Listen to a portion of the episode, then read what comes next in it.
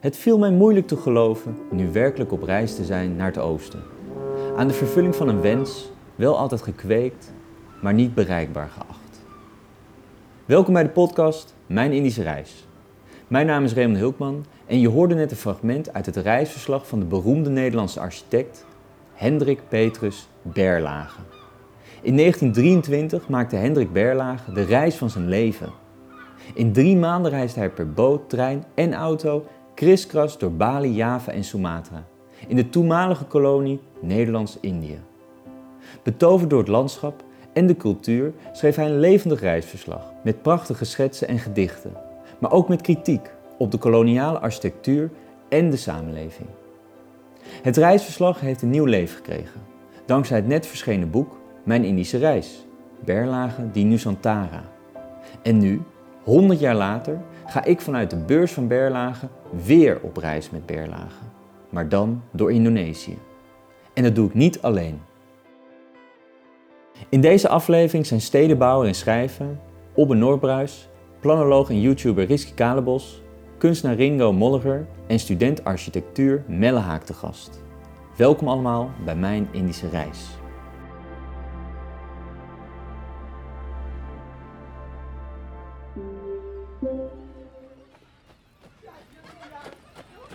...23 maart, Batavia. De weg van Tanjung Priok naar Batavia. Langs een kanaal. Zou Hollands aandoen, maar niet wanneer hier en daar, boven het kreupelhout, de kruif van een palmboom het andere deed zien. Maar langzamerhand, gaande langs de wegen van Batavia, werd opeens alles vreemd. Voor zover wij als aardbewoners nog door het onbekende kunnen worden verrast.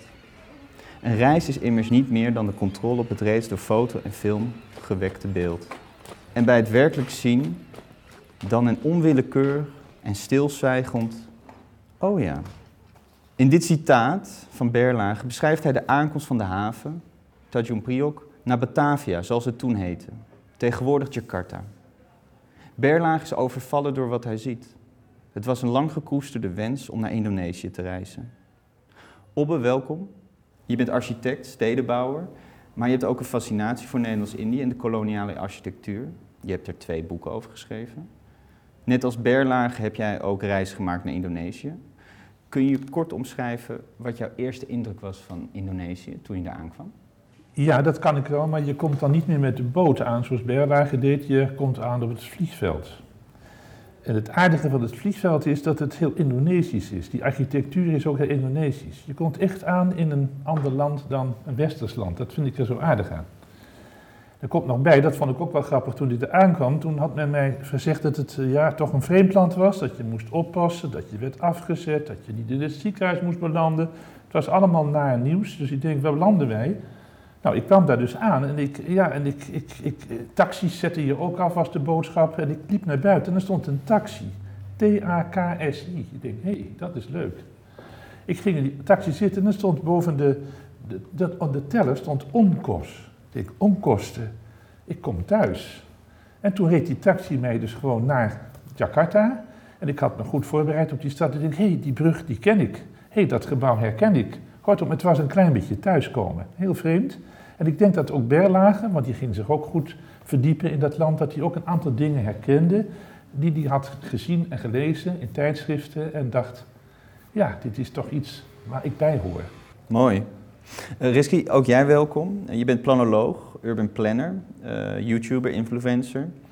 Je bespreekt de Nederlandse, Indonesische en koloniale geschiedenis. Uh, je hebt onderzoek gedaan naar de ontwikkeling van Jakarta. Als ik mijn research goed gedaan heb, was je enkele weken geleden nog in Jakarta. Uh, hoe denk je dat Berlage nu zou reageren als hij door uh, Jakarta uh, zou lopen? Het ziet er heel warrig uit als hij hier nu zou zijn en met allemaal moderne bouw. En het is ook nog drukker dan 100 jaar geleden. maar het ontwikkelt zich wel. Um, zoals recentelijk de metro die is geopend. Dus het verbetert zich wel op planologisch niveau. Op een reisverslag induiken, kun je uitleggen hoe Berlage onze kijk op de architectuur heeft veranderd? Hij begon echt in 1898 uh, na te denken over de architectuur en vond dat dat anders moest worden. Overigens was hij daar niet uniek in, want er waren in Europa meer architecten die dachten er moet nu echt wat veranderen op dat gebied. Maar goed, eh, hij kwam in dit land waar men toch bepaalde opvattingen had over hoe het moest. Het waren vaak hele decoratieve gebouwen met allerlei vormen uit het verleden. En dat waren allemaal dingen waar Berlage eigenlijk afscheid van wilde nemen. En dat ging gelijk op met het socialisme, want eh, de socialisten braken ook door. Die konden uiteindelijk ook de verkiezingen winnen. En dus die twee processen, hij met zijn opvattingen, hij was echt een socialist. En die architectuur die in zijn ogen moest veranderen, die gingen samen optreden. En dat heeft ervoor gezorgd dat we althans in Nederland gedurende de 20e eeuw heel erg veel dingen hebben gedaan met elkaar op architectuur, waar eigenlijk Berlage wel een beetje de, de, de, de voorbode van, eh, van was. Dus en het was, het was een belangrijk man. Ik bedoel, eh, niet alleen als architect, maar ook als iemand die de tijd goed aanvoelde. Zo zou je hem kunnen schetsen. 27 april, Bandung. Vanmorgen maakte ik met beide professoren Schoenmaker een rit door de nieuwe witte stad. Hoewel alle Indische steden wit zijn, is deze nog witter dan wit. Geen enkele muur is groezelig, vervuild of groenachtig bemost. Geen enkel dak is wat scheef getrokken of heeft een paar gebroken pannen. Als getuige van een historisch verleden.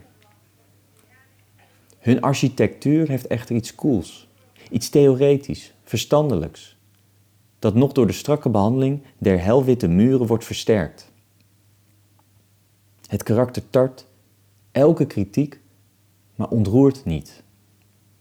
wat, wat definieert voor jou de koloniale bouwstijl van Nederlandse architecten? Als ik denk aan die gebouwen eh, die ik heb gezien in de wijk van Jakarta, dan komen de woorden in mij op wit, statig, groots of beter gezegd flamboyant. was er gewoon meer lef?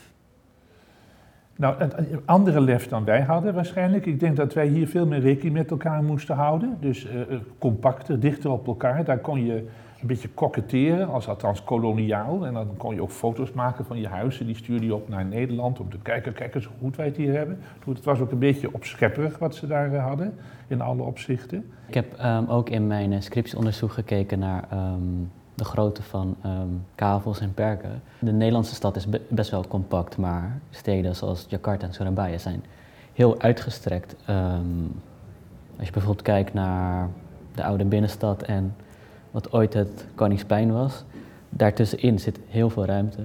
En, en dat was ook omdat de ruimte ervoor was voor de Nederlanders om landhuizen te maken. En Obbe Berlage was toen uh, op het toppunt van zijn roem, kunnen we wel zeggen. De held van Amsterdam-Zuid.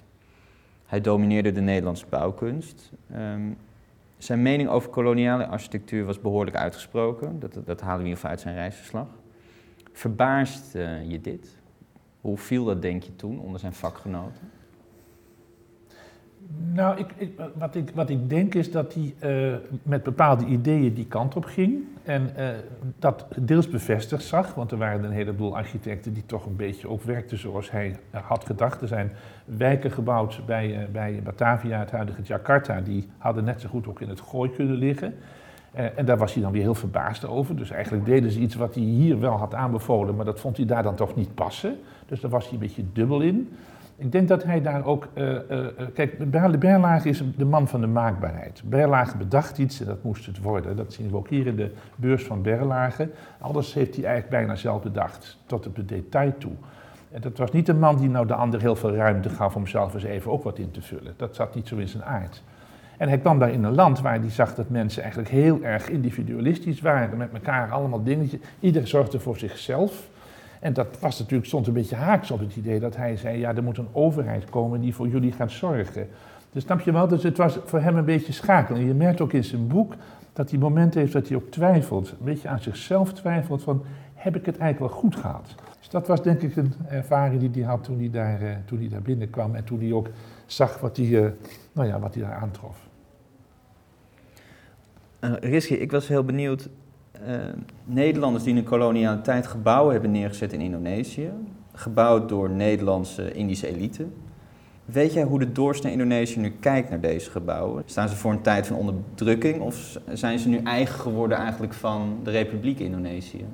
Men is vooral geïnteresseerd in de geschiedenis achter gebouwen. En sommige gebouwen die hebben uh, een koloniale geschiedenis, maar andere hebben ook een meer Indonesische geschiedenis. En de gebouwen zijn ook onderdeel van geschiedenis.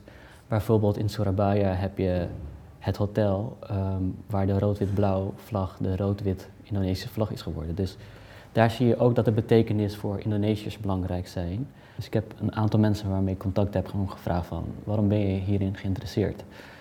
En een van de oudere personen, ehm, die is nog van voor de sociale mediatijd. En in zijn tijd was het een beetje raar om geïnteresseerd te zijn in koloniale architectuur. Dus de reputatie is ook veranderd. En de laatste jaren ehm, zijn gemeentes ook bezig om die buurten waar die koloniale gebouwen zijn uh, te renoveren en ook aantrekkelijk te maken voor toeristen.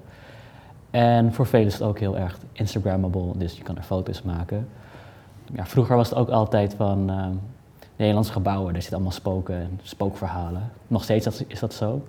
De argbaan naar de Nederlanders was vooral in de jaren 40, jaren 50. En voor veel, Indonesiërs is dat heel veel generaties geleden. En de generatie van nu die heeft invloed van kolonialisme niet meer op, in het dagelijks leven. Dus die kijken meer op een afstand naar kolonialisme. En er wordt er anders gekeken naar geschiedenis. Minder als slachtoffer, maar meer als van we hebben de Nederlanders weggejaagd. En ze zijn wel deel van de geschiedenis, maar... Ja, hoe... Het zit ons niet meer dwars. Ja, het, het zit hun niet meer dwars. Zoiets, ja. ja. Ik was, ik was eigenlijk benieuwd naar aanloop van dit gesprek, schoot bij mij te binnen de herwaardering dan voor de koloniale gebouwen, is dat ook niet indirect een verheerlijking van de koloniale tijd? Ligt dat dan op de loer of zijn het echt twee verschillende dingen? Ik denk dat als je het aan een Indonesië vraagt, is dat zeker niet het geval. Dat is gewoon een stukje geschiedenis en uh, hè, lijkt me toe en uh, dat heb je meegemaakt en uh, klaar. En daar kun je nog wat van vinden. Maar misschien in Nederland ligt dat wat meer op de loer. Als hier, als hier Nederlanders plotseling heel erg overdreven, verheerlijkt over die in de binnensteden, dan zeg ik, oh, wacht eens even. Je moet ook die andere kant van het verhaal erbij betrekken, want anders is het, is het verheerlijking. Maar toch merk ik in Nederland dat de groep die dat doet ook niet zo niet toeneemt. Het is, als jongeren er nu ook mee bezig zijn, heeft dat denk ik niet onmiddellijk. er zijn ook relatief weinig jongeren in Nederland die, die daarmee bezig zijn. En, en je zou willen dat ze daar gewoon eens naartoe gingen. En dat ze met Indonesiërs praten, omdat ze dan een nieuwe bladzijde in de geschiedenis kunnen opslaan. Dat, dat zou mooi zijn, denk ik. Ja, wat ik vooral merk is dat de koloniale geschiedenis in Indonesië al verwerkt is. Terwijl hier in Nederland is het nog niet verwerkt. Heel veel dingen zijn onder het tapijt geschoven. Ja. De excessennota, maar ook de Molukse geschiedenis. Het is allemaal niet verwerkt. En nu pas, uh, eh, 70 jaar later, zijn mensen pas gaan kijken van hé, hey, dit is nog niet afgesloten, het moet afgesloten worden. Terwijl in Indonesië is het al na uh, 49 van de Nederlanders zijn eruit en we beginnen ons eigen land. 15 mei, Surabaya. Over de indrukker deze stad kan ik kort zijn. Zij is het Rotterdam van Java, de belangrijkste haven van ons Indisch Rijk met al het gezoeg en gesjouw van zulke situatie. De Arabische wijk is van al haar collega's in de andere steden de interessantste. Haar hoofdstraat is gericht op een moskee, met een torentje van de allerbekoorlijkste silhouet. Een wandeling door het planloze centrum, zoals door elke ghetto, is dan ook een bijzonder picturaal genot.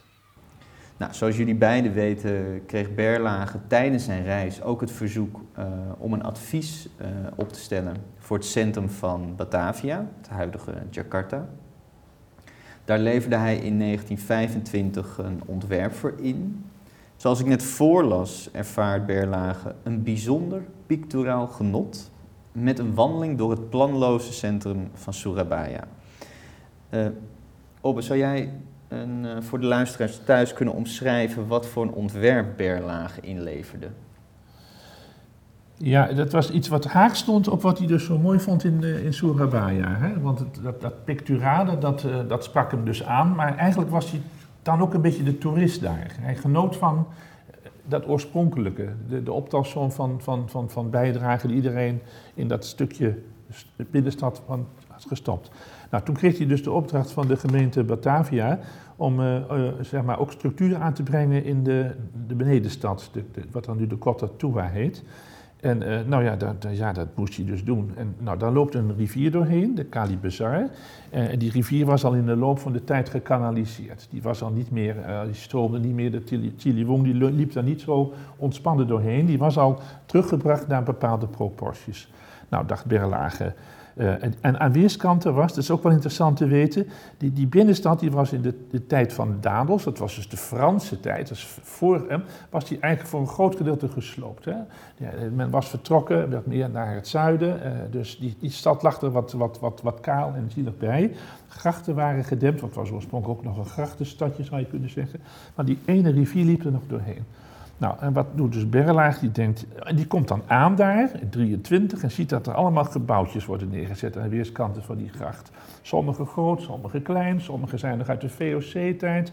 En wat doet de goede man? Die denkt, ja, ik moet een plan maken. Weg met die rommel. Eigenlijk zegt hij, we laten nog twee of drie grote gebouwen staan en verder moet je.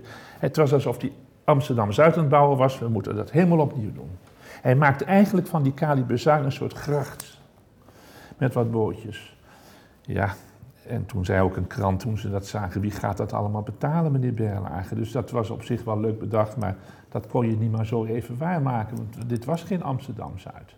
Nou, wat hij ook deed, was dat hij ook uh, uh, het huidige Fatahila-plein, dat was vroeger het Stadhuisplein, daar moest hij ook wat mee doen. Nou, daar maakte hij ook een hele formele plan van, het, heel westers zou je kunnen zeggen, met keurige gebouwen in het gelid, waarvan je je absoluut afvraagt, past dat wel bij Indonesië, maar misschien kun jij daar wat van zeggen.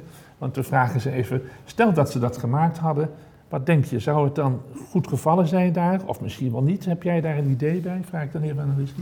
Nou, wat wel genoemd worden in het plaatje zijn die twee bomen. Dat zijn de waringin-bomen.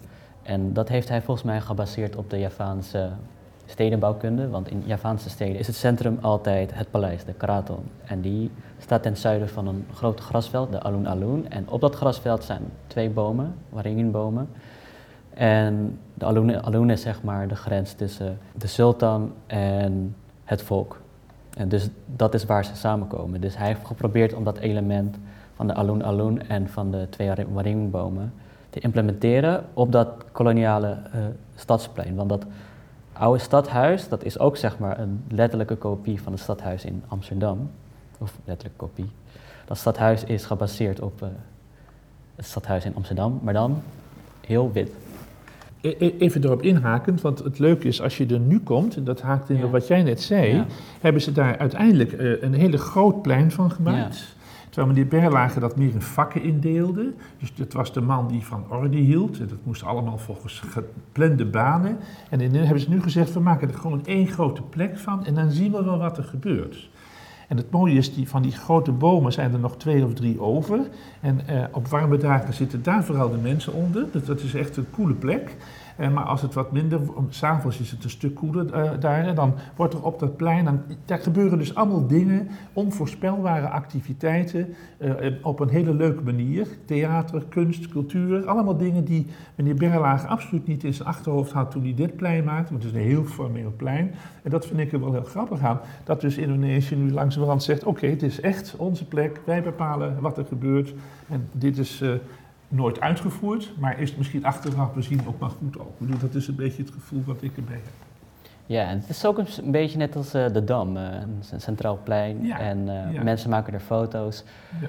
Maar ook grappig van hun kijk op koloniale geschiedenis. Je kan je daar bijvoorbeeld een kleurrijk fietsje huren en dan een rondje gaan fietsen met een koloniale tropenhelm. En voor hun, ja, wij zouden echt denken van als je dat dan zou doortrekken in een, Nederlandse context, is het net als uh, in een nazi-uniform op een uh, gestolen fiets gaan fietsen. Um, en je hebt daar ook, um, net als op de Dam, mensen die dan verkleed zijn. Dan kan je met hem op de foto gaan. Dan heb je ook de, ik, wat was het ook weer? Koningin Juliana of zo, maar ze leek helemaal niet op. En, uh, en Blanda, dat is een, een Hollandse dame, maar dat is altijd een naam voor een soort van spook. Daar kan je ook mee op de foto, dus... Uh, maar ook, dus niet alleen koloniale personages waar op de foto gaan, ook met Indonesische helden kan je ook op de foto gaan. Nou, wat ik daar ook aantrof was dat, kijk, Indonesiërs zijn gewoon, die moeten voor zichzelf opkomen.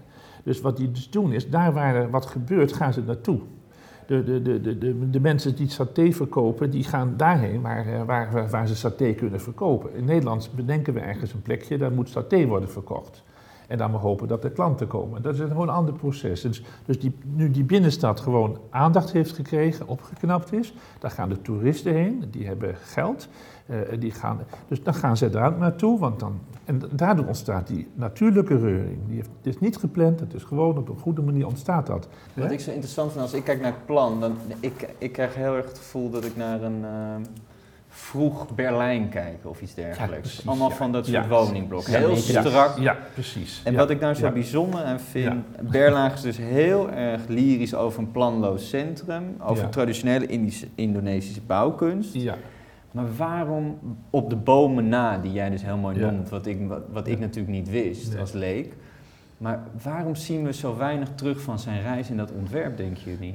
Nou, dan kom ik misschien toch op een antwoord. Hij maakte dit voor een gemeentebestuur. Hij maakte dit voor uh, kolonialen, uh, die nog steeds hun hart hadden in Europa. Uh, en ja, als je werkt, je bent geen kunstenaar, je bent een, een, een, dienstbaar aan het bestuur, anders dan nemen ze dat plan niet. Dus die heeft gedacht van ja, hoe krijg ik die mensen zover dat ze wat gaan doen? Laat ik maar dat tekenen wat ze waarschijnlijk ook zien zitten. En dan krijg je dus toch niet een picturaal plan. Want dan hadden ze gezegd, meneer Bernhagen, daar hebben we u niet voor nodig. Dat ontstaat van vanzelf. Dus ik vermoed dat de, de, de, invloed van het gemeentebestuur en van de gemeenteraad groot is geweest op dit plan. Dat is niet zo gek. Ik bedoel, stedenbouwkundig, ik ben het zelf ook, die doen echt wel wat een gemeentebestuur wil, wat de bevolking wil op dat moment. En die bevolking toen, dat waren natuurlijk dat kleine percentage Nederlanders die de dienst uitmaakten. En die vonden dit gewoon mooi. Alleen ze zeiden er wel bij, in beide gevallen, wie gaat dat betalen? Ik bedoel, die doen wat Nederlanders. En dat geld was er niet, dus het is ook nooit zo geworden. En dat is misschien wel goed ook, hoewel, ach, Misschien was zelfs dit wel leuk geworden. Ja. Want het is natuurlijk interessant, hij schrijft niks over de twee gebouwen die hij zelf heeft ontworpen in Surabaya en Jakarta. Dat is best wel raar dat hij dat in zijn reisverslag helemaal niet, niet, niet noemt. Waarom, wat denk je dat hij er zelf van vond? Want hij heeft dat natuurlijk ontworpen in Nederland en het is uitgevoerd Daar. aan de andere kant van de wereld. Is het, denken jullie dat het bewust is dat hij er zelf niet over uh, sprak in het reisverslag? Ja, wat ik heb gehoord is dat hij het in Nederland heeft ontworpen met de, gedacht, met de Nederlandse gedachte. En toen hij daar kwam, dat hij dan zag van, oh, bouwen in de tropen is toch heel anders. En ja, dat gebouw dat stond er al toen hij zijn reis deed. Dus toen misschien waren zijn gedachten dan veranderd van, oh, als ik wist dat de tropen zo waren, had ik het misschien anders ontworpen. Ja, misschien wel een heel leuk voorbeeld is bijvoorbeeld dat gebouw in, de, in, eh, in, in Surabaya. Daar had hij dus op de zolderverdieping ook nog kantoorunits gemaakt. Nou, dat doe je niet in Indonesië. Dat is een, ventilatieruimte. Daar ga je niet zitten. Dus eh, ik denk inderdaad dat je gelijk hebt dat hij gewoon uh, iets te weinig wist over uh, het bouwen in Indonesië en Indië. En dus wat opstuurde en dat is gebouwd. En dacht, nou, daar ga ik het ook maar niet over hebben. En, wat ik wel leuk vind is mensen die Berlage een heel warm hart toedragen, die schreven in het verleden ook dat het, de eerste twee gebouwen waren niet erg belangrijk voor, hun, voor zijn oeuvre. Toen dacht ik van, nou, dat is mooi geformuleerd. Dan serveer je die gebouwen af, dan blijft er nog een heleboel moois over. ik denk dat dat er ook achter zat. Maar ja, het is wel grappig dat dan nu, 100 jaar later, is het voor Indonesiërs wel zo van, oh, we hebben een berlage. Dus misschien in zijn tijd was het zo van, oh, ik, wil er niks mee doen. En nu is het zo van, oh, we hebben toch wel een... Berlage. Alsof je een soort van uh, Van Gogh vindt uh, in, uh, gewoon 100 jaar later, dan opnieuw waardering is. Ja. Dank jullie wel. Medang, 20 juni. Kunst van een volk nauw de natuur ontwassen met stijlgevoel en oosters beeldingrijk, dat aan elk ding van zijn bouwkunstig rijk dat kostelijk bezit wist aan te passen. Een edele paring van structuur en vorm, een openbaring van cultuur als norm. Het was op de zonnige ochtendwandeling in de stille kampong onder palmbomen, waartussen de zilveren schitterstreep van het meer zich uitstrekt, dat mij dit gedichtje ontsprong. Mijn volgende gasten zijn Ringo Mollinger, street artist en beeldend kunstenaar. En ook welkom aan Melle Haak, student bouwkunde aan de TU Delft. Melle, ik wil graag met jou beginnen. Mhm. Je studeert architectuur aan de TU Delft, onderdeel van een toekomstige generatie architecten. We nemen dit gesprek op vanuit de beurs van Berlage. Bijna 90 jaar geleden is hij overleden. Speelt hij nog een uh, rol voor jou als uh, jonge architect? Nou, zeker. Je, je kent hem van zijn eh, eerlijke constructie en zijn eerlijk materiaalgebruik en zijn uh, oprechtheid van, uh, tegenover het programma, nou ja, wat dat ook mogen betekenen. en ook wel zijn zoektocht naar nieuwe ruimtelijke vormen. Dus wel ook daarin nou ja, blijkt ook wel zijn, zijn innovatieve kant, maar de mens Berlage ken ik niet zo. Maar het is, het, is, en het is bijzonder om nou ja, om hem door dit reisverslag en ook door dat gedicht wat je net voorleest, om hem een beetje beter te leren kennen. Dat zijn, dus de stroming is een vrij rechtlijnige en strenge stroming. En ik heb nooit heel erg stilgestaan bij wie hij is, maar op een of andere manier beeld je je dan ook in dat hij een rechtlijnige, strenge man is die, met rationele ideeën. En nou ja, eigenlijk blijkt het tegendeel als je het reisverslag leest en, en zie je hoe die, nou ja, ontwapenend zich openstelt voor een land en uh, letterlijk zegt, volgens mij, zijn eerste oordeel durft uit te stellen. En nou ja, dat is, dat is denk ik heel inspirerend om je eerste oordeel uit te stellen en daardoor jezelf de ruimte te geven om nou ja, dingen te, te, te, ontdekken die je anders niet zou ontdekken. Maar hij speelt, speelt wat dat betreft wel degelijk een belangrijke rol. Dus wat dat betreft, uh, uh, nou ja, inspirerend. Leuk. Ja. En uh, Ringo, je bent beeldend kunstenaar, graffiti artist. Ja. In 2005 heb jij een serie muurschildering gemaakt in Den Haag. In um, 2015. 15, excuus. Ja. Ja. Um, had je daarvoor eigenlijk wel eens van Berlage gehoord? Of heb je iets ontdekt tijdens je research? Uh, nou ja, ik, ik uh, woon heel mijn leven al in Den Haag, dus dat is denk ik, hè, dat heeft een beetje een battle met Amsterdam wie nou de, de, Berlage stad is. Um, en nee, precies wat je zegt, ja, voor elk project doe ik natuurlijk een, research en dat was hier niet anders. Um, en toen kwam ik erachter dat inderdaad, nou ja, Berlage een heel nieuw stedenplan had ontwikkeld voor Den Haag. En dat gebied waarin ik die wandschilderingen heb gemaakt, uh, totdat een van de weinige kernen was die ook echt daadwerkelijk is uitgevoerd van dat plan. Um, dus nou ja, dat, dat vond ik natuurlijk heel erg bijzonder. Um, en nou ja, door die research kwam ik er dus onder andere ook achter dat hij het, het Haags Gemeentemuseum als zijn meesterwerk beschouwt. Hij heeft volgens mij de opening net niet meer gehaald zelf. Uh, dus ik vond het wel heel, heel interessant. En eigenlijk had ik een beetje ja, hetzelfde als wat Melle zegt. Dat je, de research was ja, ook niet zo diepgaand. En we hebben het over 2015, dus het is inmiddels ook weer een tijdje terug. Maar ik had een beeld gevormd wat ook uh, van iemand die nogal best wel streng en rechtlijnig was. ja, wat eigenlijk best wel een simpele eerste conclusie is als je naar zijn gebouwen kijkt. maar dat blijkt, ja, het, het tegendeel blijkt, blijkt waar te zijn. Ja, Melle, we zitten natuurlijk nu in de beurs van Berlage, Hartje Amsterdam. Uh, dit wordt wel een beetje ook gezien als zijn, uh, zijn masterpiece. Uh -huh. um, het bijzondere aan de beurs is dat het natuurlijk een gebouw is uh, voor de, de hoge handelsbeurzen, de hoge heren. -huh.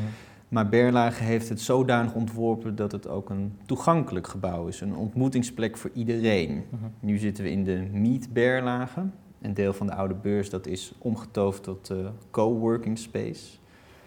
Uh, Berlage was niet alleen een visionair architect, maar ook een socialistisch denker. -huh. Kwam jij dat ook tegen in zijn boek? Ja, het gaat heel erg over mensen als hij het over architectuur heeft. En uh, dat blijkt denk ik uit een heleboel fragmenten, ik denk dat waar we straks ook, die we straks ook nog bespreken. Hij ziet uh, nou ja, de vormen en de ornamenten en alles wat hij daar tegenkomt, ziet hij niet alleen maar als ornamenten en als ramen en als muren. Maar hij ziet het als middelen, om, uh, middelen voor interactie en middelen voor een verhaal van een volk. En hij, hij voelt de, de, de, het leven daarachter en, en daarin, wat natuurlijk altijd in architectuur verborgen zit. Dus, dus architectuur gaat natuurlijk nooit alleen maar over de stenen en over de materialen. En ik denk dat je dat heel erg terugleest in die bevlogen manier waarop hij die architectuur over zich heen laat komen. Waar, hoe hij het beleeft met zijn hele lichaam, hoe hij het voelt. Hoe die, dat, dat zit er voor mij heel erg in, dat zintuigelijke. En dat is denk ik nou ja, de kern van, van uh, architectuur, is het begrijpen van die, van die zintuigelijke ervaring. Van die plek die iets met je doet. Uh, dus, dus ik lees dat er heel erg in terug, ja. ja. Bandung, 27 april. Daarmee wordt ook dadelijk een vernietigend oordeel geveld over de verschillende tot nu toe gedane pogingen om met Hindoe-Javaanse ornamenten de principieel westerse gebouwen op te sieren en ze daardoor een Indo-Europees karakter te geven. Deze zijn trouwens een volkomen mislukking gebleken. Elke gestileerde leeuwenkop, kalakop, boven een moderne ingang is een karikatuur. Ringo, als ik het ehm, zo lees, ehm, als overtuigd eh, modern architect is Berlage resoluut, is een afwijzing van het lukrake gebruik van traditionele ornamenten ter versiering. En, Ringo, ik was heel benieuwd, wat- vind je ervan als je dat zo hoort? In de eerste plaats zie ik hier ook heel erg aan hoe taal is veranderd. Je. Hij zegt heel erg eh, mooi omschreven, oud-Hollands in tien zinnen. Terwijl voor mijn gevoel zegt hij eigenlijk, ja, het is gewoon kietje meuk, dat kan je niet doen, weet je wel. Eh, dus dus, dat, ja, dat, dat, vind, dat vind ik heel erg mooi, dat, dat, eh, ja, dat, hij, dat hij dat eigenlijk zegt en dat het ook wel zo overkomt, maar dat het ook gewoon heel eh, diplomatiek ge- gebracht is. Ja, ja, en nou ja, ik, ik, ik ben het natuurlijk vo- volkomen mee eens. Het is ja, de makkelijkste manier om, om te proberen om het daardoor in, in, daarin te gieten. En ja, daar, daar, daar prikt hij gewoon heel hard doorheen. Is dat iets ook wat binnen jouw eigen werk ook op de loer ligt? Dat je daar waakzaam op bent bij jezelf als maker? Eh, ja, maar ja, het moeilijke is ook, en dat eh, herken ik ook vaak in dingen die Berlage zegt, je hebt toch wel vaak te dealen met een, eh, een opdrachtgever. Ik bedoel, ik ben naast dat ik eh, eh, kunstenaar ben, ben ik ook gewoon ondernemer. Eh, dus dan zit je altijd een beetje in, in, in, die, in die battle van eh, alle partijen die willen dit eh, van je hebben en dat moet erin verwerkt worden, maar je wil ook nog iets als artistieke vrijheid. En dat is, nou ja, dat is natuurlijk altijd best wel een, een, een gevecht en dat, nou ja, dat haal ik ook zeker uit, uit, uit zijn teksten terug. Hoe vind jij dan binnen jouw vak dan de balans daartussen? Is daar een, is daar een recept voor? Ja, dat is meestal wel vrij simpel. Ja. Als een eh, opdracht, eh, als er redelijk budget is of veel budget, eh, is er zo min mogelijk artistieke vrijheid. Eh, is er geen tot weinig budget, veel artistieke vrijheid. Die, eh, die weegschaal die is wel vrij helder over het algemeen. Als ik nog even ook hierop reageer, dan gaat het eigenlijk voor mij weer over je openstellen. En ehm Berlage zag namelijk dat het niet zomaar ornament is. Het is veel meer dan ornament. Namelijk, er zit een verhaal in van een volk. Het, het is, degene die dat heeft gemaakt heeft met verbeeldingskracht, heeft hij de cultuur van, van, eh, nou ja, cultuur van een land gevat in, in, een, in een beeld. Ook als hij de, de Prambanan-gevels eh, omschrijft, dan omschrijft hij wonderen van beeldend vermogen, omschrijft hij het. En daarmee geeft hij aan dat hij het begrijpt. En ik denk dat we heel veel gebouwd hebben in Nederlands-Indië met de overtuiging. Wij weten hoe je moet bouwen. Hoe, eh, wij hebben de waarheid in pacht als het gaat om architectuur. Wij hebben dat uitgevonden. We snappen hoe ruimtelijkheid werkt.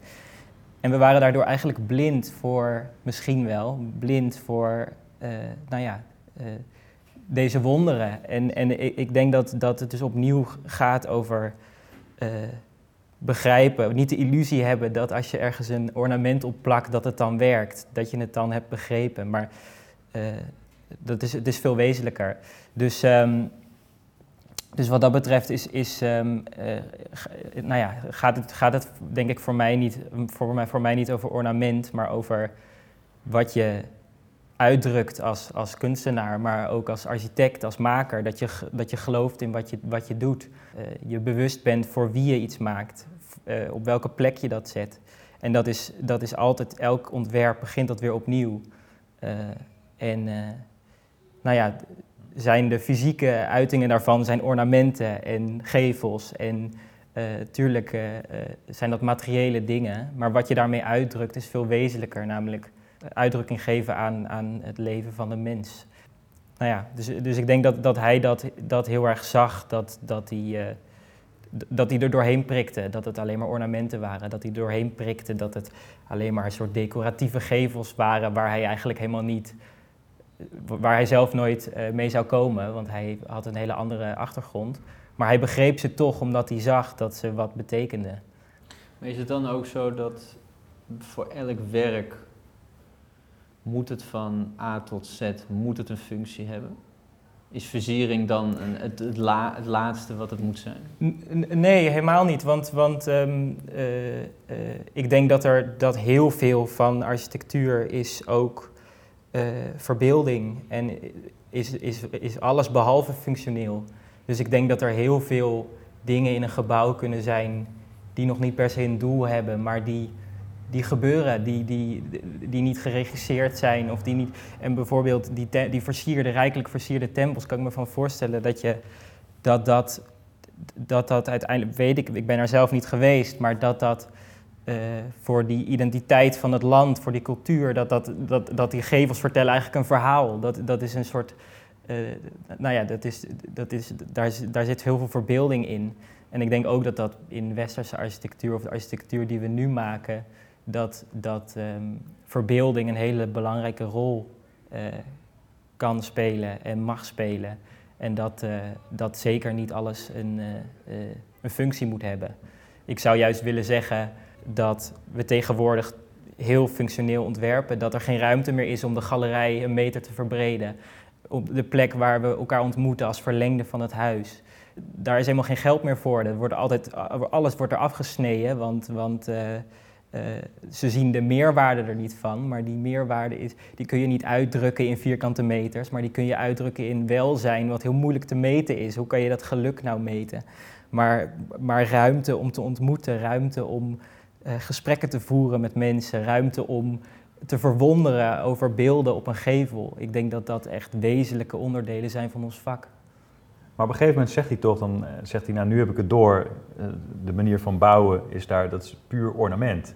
En bij ons is het juist puur constructie en dat het eigenlijk precies andersom is. Maar dat het wel een tijdje duurde voordat hij dat eigenlijk zo door had. Ja, Dat zegt hij op een gegeven moment volgens mij eh, als een soort Eureka-dingetje, weet je wel. nou ja, precies. Wij natuurlijk heel erg geschoold vanuit het ratio en wel Ja. vanuit het functionele. En zij heel erg vanuit die verbeeldingskracht. En dat, is natuurlijk, dat zijn allebei hele, hele wezenlijke en belangrijke eh, invalshoeken. En waar je, als je, ook, als je denkt, zegt van als we die kunnen samenbrengen, hij synthese, filosofeert daarover. Van als we daar, en, en niet wordt niet een collage, niet een knipwerk, maar helemaal opnieuw vanuit die principes van verbeelding, de principe van rationaliteit. eh, als we met die twee Ja. nou ja, hele Ja, ja, ja. krachtige ingrediënten Ja. kunnen nadenken over een soort synthese, ja, Ja. dat, dat, dat, eh, d- d- daar ziet hij alleen maar kracht in. Alleen maar, eh, Is dan de verbeelding dan in de westerse architectuur te, eh, verloren gegaan? Ik denk dat we er wel weer heel erg mee bezig zijn. Ik, of in ieder geval binnen de opleiding ben ik zelf eh, heel erg bezig met verbeelding. Wat is dat non-materiële? Wat kan je niet vatten in materialen, maar wat is die ervaring die je hebt als je door een gebouw heen loopt? Wat, wat is de perceptie en hoe kan je daar invloed op hebben met licht en geluid en beweging en, en ruimte? Wat is ruimte? Je kan het niet, je kan het niet vatten in een materiaal. En natuurlijk maak je dat met materiaal, maar je maakt eigenlijk iets wat, wat immateriaal is, eh, de, de ervaring van, van mensen. Eh, dus, ik, dus, dus wat dat betreft ben ik, ben ik wel daar zelf heel erg mee bezig met, wat, met verbeelding. En, en wat gebeurt er als je, als je een ruimte binnenkomt en je dwaalt af in gedachten en je denkt aan wat je later op de dag moet doen. Of hoe je, nou ja, hoe je, hoe, dat proces van, van, eh, van hoe ruimtelijkheid werkt op hoe je dingen beleeft. Ik denk dat dat iets heel wezenlijks is van architectuur. En ik denk niet dat dat verloren is geraakt, maar het is wel eh, mooi hoe Berlage daar eh, nou ja, door geraakt is. Dat hij dat, hij dat ziet en dat hij ziet hoe, hoe groot onderdeel dat is van die cultuur. En, en zichzelf ook realiseert eh, nou ja, hoe belangrijk dat is. Hoe rationeel je plan ook, zit, altijd, eh, zit ook altijd eh, verbeelding in. Ringo, hoe is dat dan voor jou als we het over hebben verbeeldingen? Want jij maakt je werk natuurlijk ook veel in de publieke ruimte. Ja. Hoe, is dat ook iets wat jij heel belangrijk vindt? Ja, ja zeker. Ja.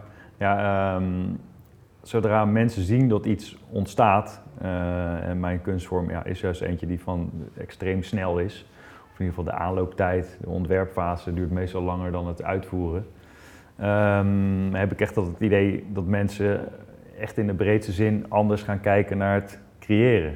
Eh, op een manier van, oh goh, is dat allemaal met, met de hand gemaakt? En hoe zit dat dan met... eh, nee, je ziet natuurlijk heel veel printed media, dat mensen daar het verschil en de waardering ook, of althans, dat hoop ik dan altijd maar, dat ze daar meer het verschil in gaan zien. Van, oh ja, dit is echt ambacht en dit heeft echt iemand gemaakt op die plek daar. Of het is gewoon op de knop gedrukt op, op print, een beetje fantasieloos. Ehm, dus nee, dat probeer ik altijd wel een beetje aan te wakkeren. En dat, dat lukt meestal wel in de openbare ruimte. Met wat ik zelf altijd wel grappig vind, vind. En daar speel ik ook wel een beetje mee dat eh, als ik iets ga opschetsen, de eerste lijnen, dan zie je mensen altijd kijken van ja, wat gaat die gast nou doen? En het ziet er niet uit. En je gaat wel je best doen, toch? en uh, dat vind ik het altijd wel leuk om een beetje nonchalant uh, te doen van ja, nee, komt wel goed, komt wel goed. En dan is er altijd één punt dat er een beetje kleur in komt en, dat de ambacht een beetje zichtbaar is. En dan slaat iedereen in één keer helemaal om. En dan krijg je alleen maar complimenten. Terwijl ja, een dag eerder dat iedereen nog met een schuin oog naar je zat te kijken van wat, wat gaat dit in, in godsnaam worden. Is dat ook wat je heel erg aantrekt in, in het maken van graffiti-werk? Dat het een, iets is wat je met de hand doet? Ja, ja, ja zeker. Ja. Ja, dat je dat zo snel op zo'n grote schaal kan doen, dat heeft mij wel uh, gegrepen, ja. Uh, en ja, ja, het is ook gewoon een, uh, de, de, psychologie, wat ik al zeg, hoe mensen er naar kijken, vind ik altijd wel grappig. Men, men denkt bijna altijd gelijk van wat zou je dan voor mij kunnen betekenen of zo, weet je. Als je ergens aan het, een opdracht aan het doen bent, komen er meestal wel weer vijf uh, nieuwe vragen uit. Van ja, kan, je het kamer van mijn kinderen ook wat moois opmaken? tot aan een grote commerciële klus. Niet dat het allemaal even, even interessant is of dat je dat doet. Maar zo gaat men dan wel te denken van, hé, hey, wat, wat heb ik dan nog nodig, wat, wat jij zou kunnen doen. Bandung, 27 april. We komen wel tot het inzicht dat een Indo-Europese stijl slechts ontstaan kan uit een synthese van het westerse constructiesysteem en den oosterse kunstvorm. Waartoe dan uit de Javaanse pendoppo als de oerbouw zich het definitieve bouwwerk zou kunnen ontwikkelen. Uh, Melle, Berlage is op zoek naar een nieuwe vorm van Indo-Europese architectuur. Hij ziet de gewone pendoppo als basis, een oortype van de Javaanse woning, wat eigenlijk een vrij eenvoudige bouwstructuur is. Wat zegt dat over Berlage volgens jou? Hij, nou, ik, denk dat hij tijdens zijn reis uh, uh, is geïnspireerd door nou ja, de wezenlijk andere manier van bouwen, de hele andere bouwcultuur dan, dan zijn eigen stijl.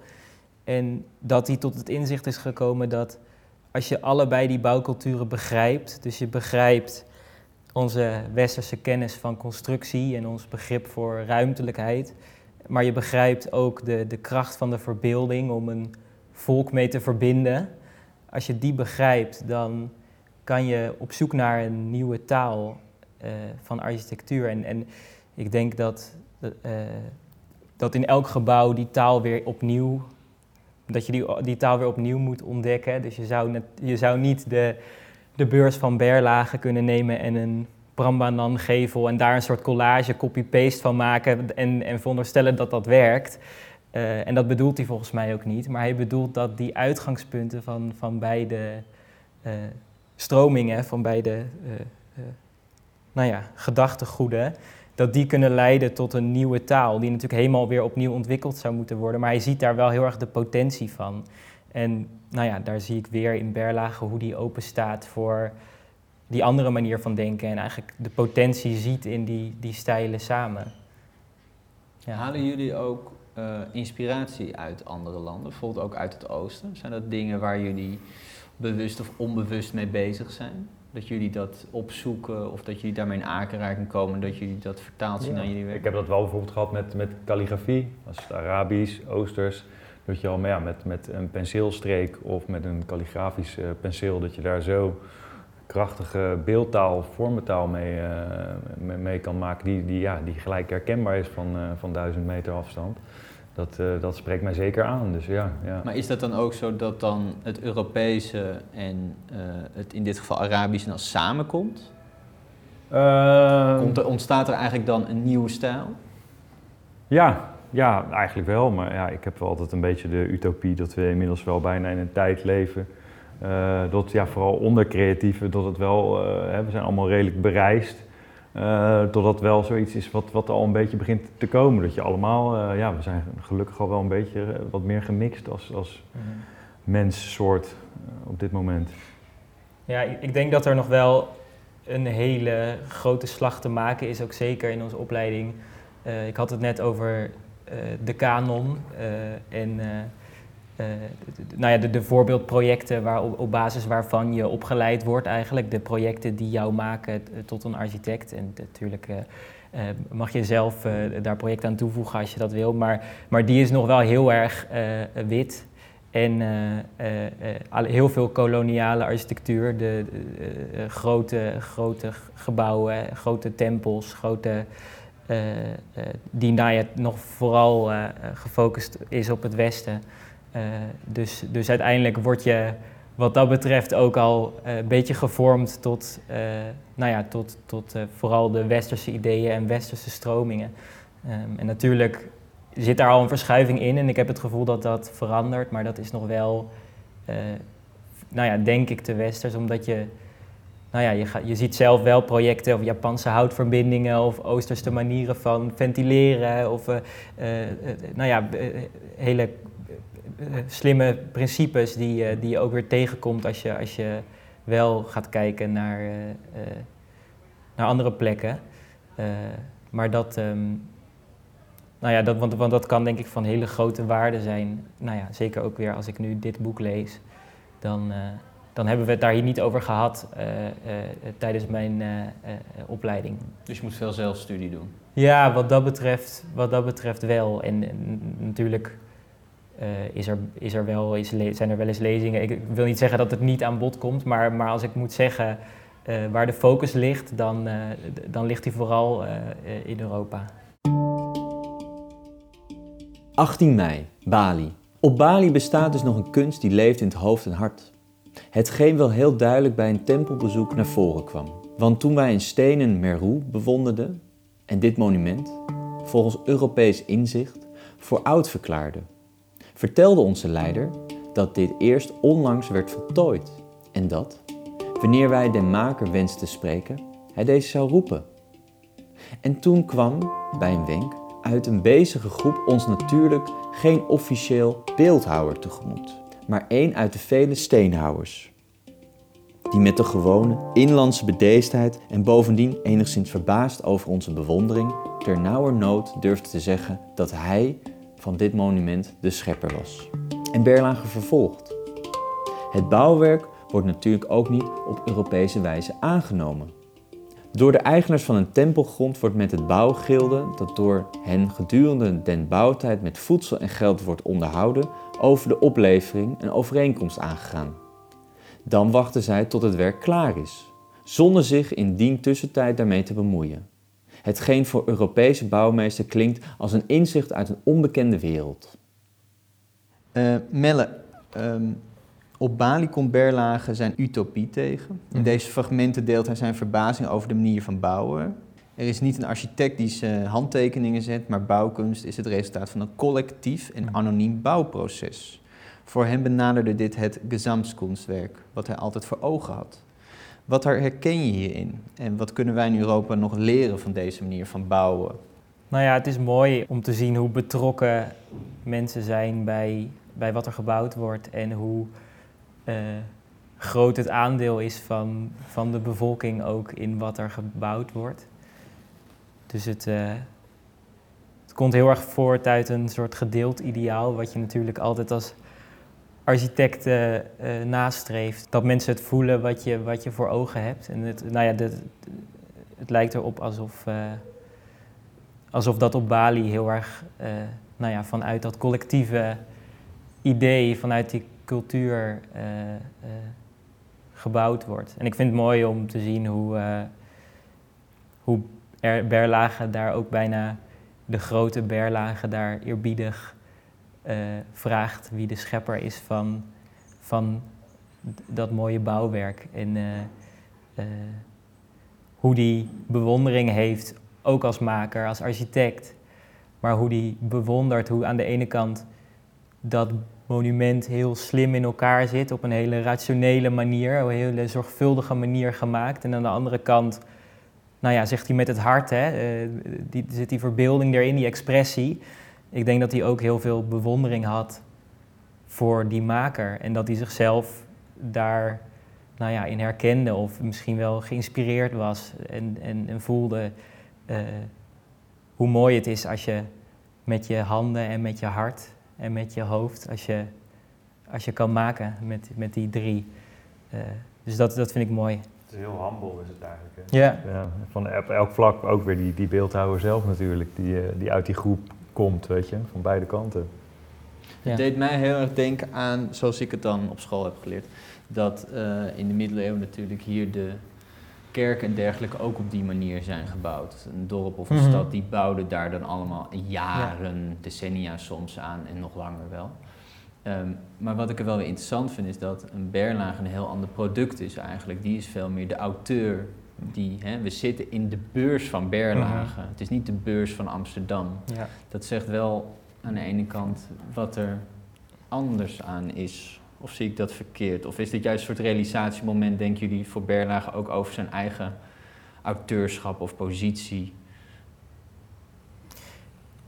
Ja, eh, go- ja goede vraag. En eh, interessant om over na te denken wat dat doet met een stad als, een, als een, het centrum, als de, de kerk, de, de, de, de kern van de stad, als die gebouwd wordt door de mensen die er wonen. Wat dat doet met een structuur van, van, van een samenleving.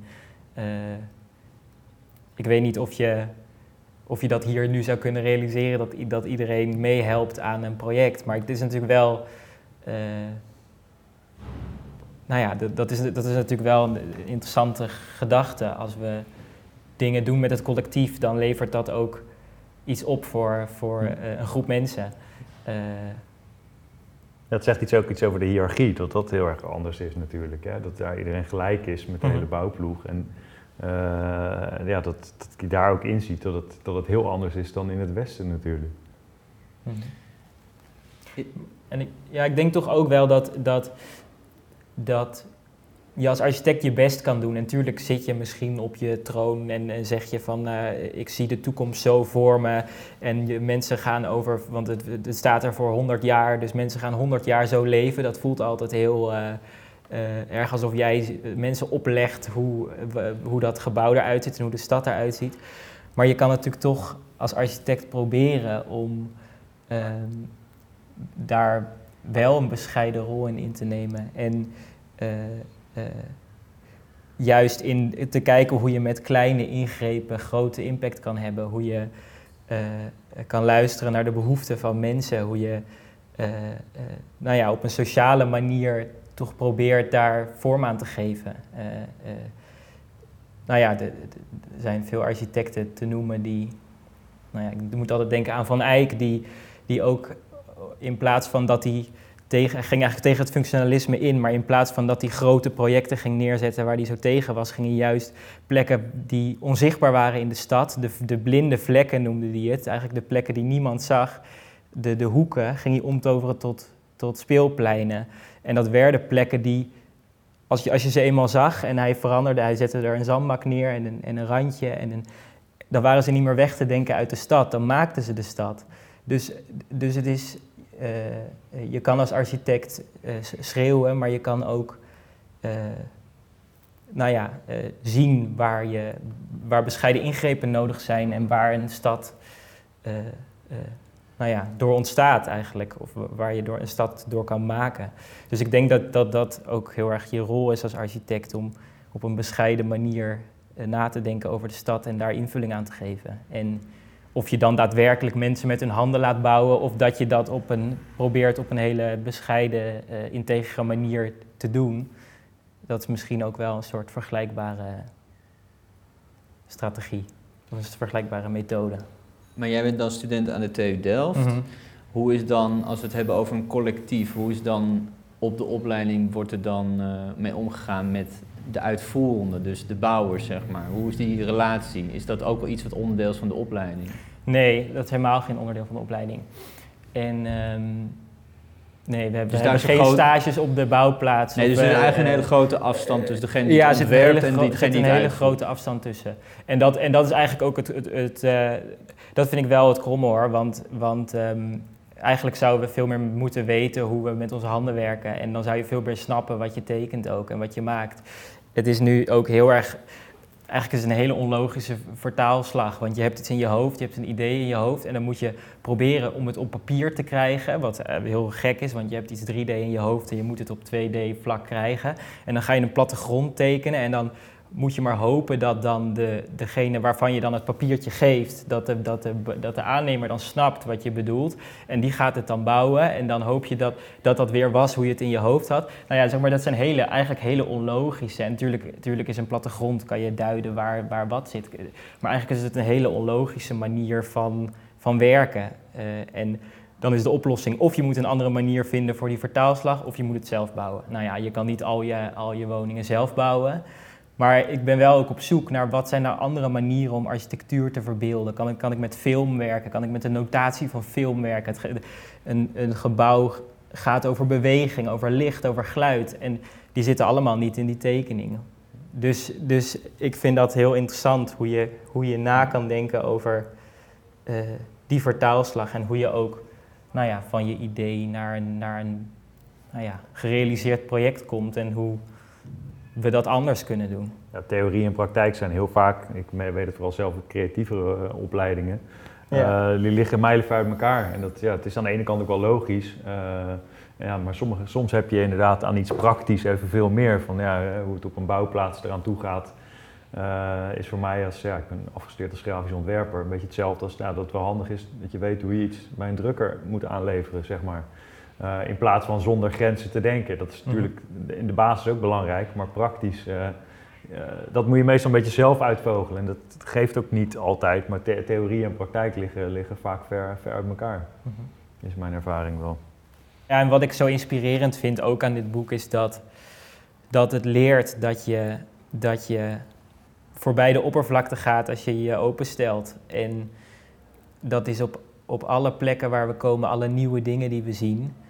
Uh, we, we oordelen met z'n allen toch allemaal zo snel altijd. En dat doe ik zelf. Maar dat zijn we ook, hebben we ook geleerd om dat in de opleiding te doen. Om kritisch te zijn, om een kritisch denker te zijn. Natuurlijk is het goed om kritisch te zijn. Maar ik denk dat het, dat het ook laat zien wat voor een rijkdom zich uh, opent. Wat voor een inzichten je kan uh, opdoen als je daar even mee wacht. Als je heel even dat eerste oordeel uitstelt en op zoek gaat naar wat uh, zit hierin, wat, wat uh, kan ik het begrijpen. En, en, en dat, dat is in de algemene zin denk ik iets wat ik heel erg meeneem. en denk ik dat wat voor ons allemaal heel erg een les is. maar zeker ook in deze cultuur, in deze bouw, bouwcultuur. Ja. Maar hij zegt dat ook letterlijk toch een keer ergens van ik wacht nog maar even hier met mijn ja, mening voor ja. of ik heb er bewust mee, uh, mee, mee gewacht. En dat is, ja, ik vind dat, dat, uh, ja, ik vind dat de hele, ja, ik bedoel, wij zijn inderdaad wat je zegt, ge, ge, gewend, geleerd dat je heel snel maar moet zeggen wat je overal van vindt.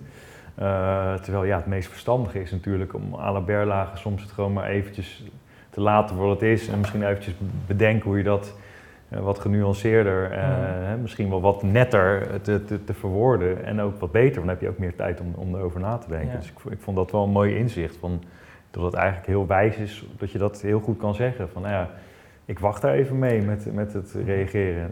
Ik hoor het bijna niemand ooit om me heen zeggen. Terwijl de mensen nee. dat uh, best wel wat vaker zouden mogen, nou, is, mogen doen, denk het, ik. Ja, ja, het is inspirerend dat het de grote berlage is. Hè? De wijze man die in mijn hoofd, uh, in mijn hoofd zich overal uitgesproken over uitlaat. Die, die, zeker als het over bouwen gaat, die zijn hart op zijn tong heeft. Die altijd zal zeggen wat hij, wat hij vindt. En uh, eigenlijk dat icoon, uh, nou ja, wat, wat dus eigenlijk zegt... Uh, ik, wacht, ik wacht met mijn mening geven en... Nou ja, ik, ik laat eigenlijk dat land over me heen komen en ik zie wat er op me afkomt. Bijna op een soort kinderlijke manier ziet hij wat er op zijn pad komt. dat, dat is heel mooi. En dat zou je eigenlijk allemaal moeten bedenken van we moeten op zoek naar de ontdekker in onszelf, het kind in onszelf of de, de berlagen als we iets gaan ontdekken in onszelf. Uh, want um, uh, het, opent, uh, het opent deuren. Ja, en misschien niet ook overal, maar je inmengen, dus de hele koloniale discussie, daar is die toch al vrij eh, daar, daar draait hij een beetje omheen, maar misschien ja, ook omdat je gevoel hebt van ja, waarom ben, moet ik degene zijn die eh, de, de, knuppel in het hoenderhok gooit? Misschien moet ik hier dit, ja, over architectuur ben ik heel uitgesproken, maar ik ga niet over de hele uh, kolonisatie, dekolonisatie, niet een keiharde uitspraak doen, want ja, dat, dat, Mhm. dat is niet mijn plek of zo, of niet, Nou ja, niet, mijn, niet mijn hij, rol. laat, hij, laat zien, hij laat zien hoe je het, hoe je het wel op een Ja. manier, hoe je het doet. Ja, want door iets niet te zeggen, zeg je, zeg je ook Nou ja, hij laat zien ja. hoe, je, hoe, die, hoe je kan openstaan voor een cultuur. En ik denk dat, dat heel veel mensen dat niet hebben gedaan of niet hebben gezien, die schoonheid. En hij stond dat wel. En dat is denk ik heel inspirerend. Daar zegt hij eigenlijk al genoeg mee, Ja. denk ik. Ja, precies. Ja, hij zegt het met, eh, door andere daden, zegt hij het natuurlijk wel. Ja. Ik begon natuurlijk dit gesprek met een gedicht. eh, maar Melle, jij vertelde voordat we begonnen dat jij eigenlijk in de voetsporen van bent Nou, nee, nee, absoluut niet de voet. En dat jij, dat- maar dat- wel dat je een gedicht hebt geschreven. Ja, nou, ik vond het leuk, want, want ik vond het zo eigenlijk de kern van ook wat ik, hele, wat ik zeg, je openstellen, dit- eigenlijk die, die ontwapening, dat vond ik ook nou ja, prachtig in dat gedicht, hoe, die, nou ja, hoe het hem ontsprong eh, op een zonnige ochtend. Eh, en toen dacht ik, ik ga een poging wagen en het is niet om Berlage te imiteren, maar meer eh, om, eh, nou ja, voor hem. Heb ik in de, in de, op een regenachtige, ge- ah, regenachtige ochtend in de trein heb ik geprobeerd om iets op te schrijven. Dus ik zal het voorlezen. Hij schudde zijn successen van zich af en ontdeed zich van zijn ingewikkeldheid. Hij ging het onbekende tegemoet en gaf zichzelf de tijd. Om op een ochtend zomaar wat te dichten over de schoonheid die hem overvalt. Onbevangen zonder vooroordelen werd de kunst der verbeelding daar plots voor hem uitgestald.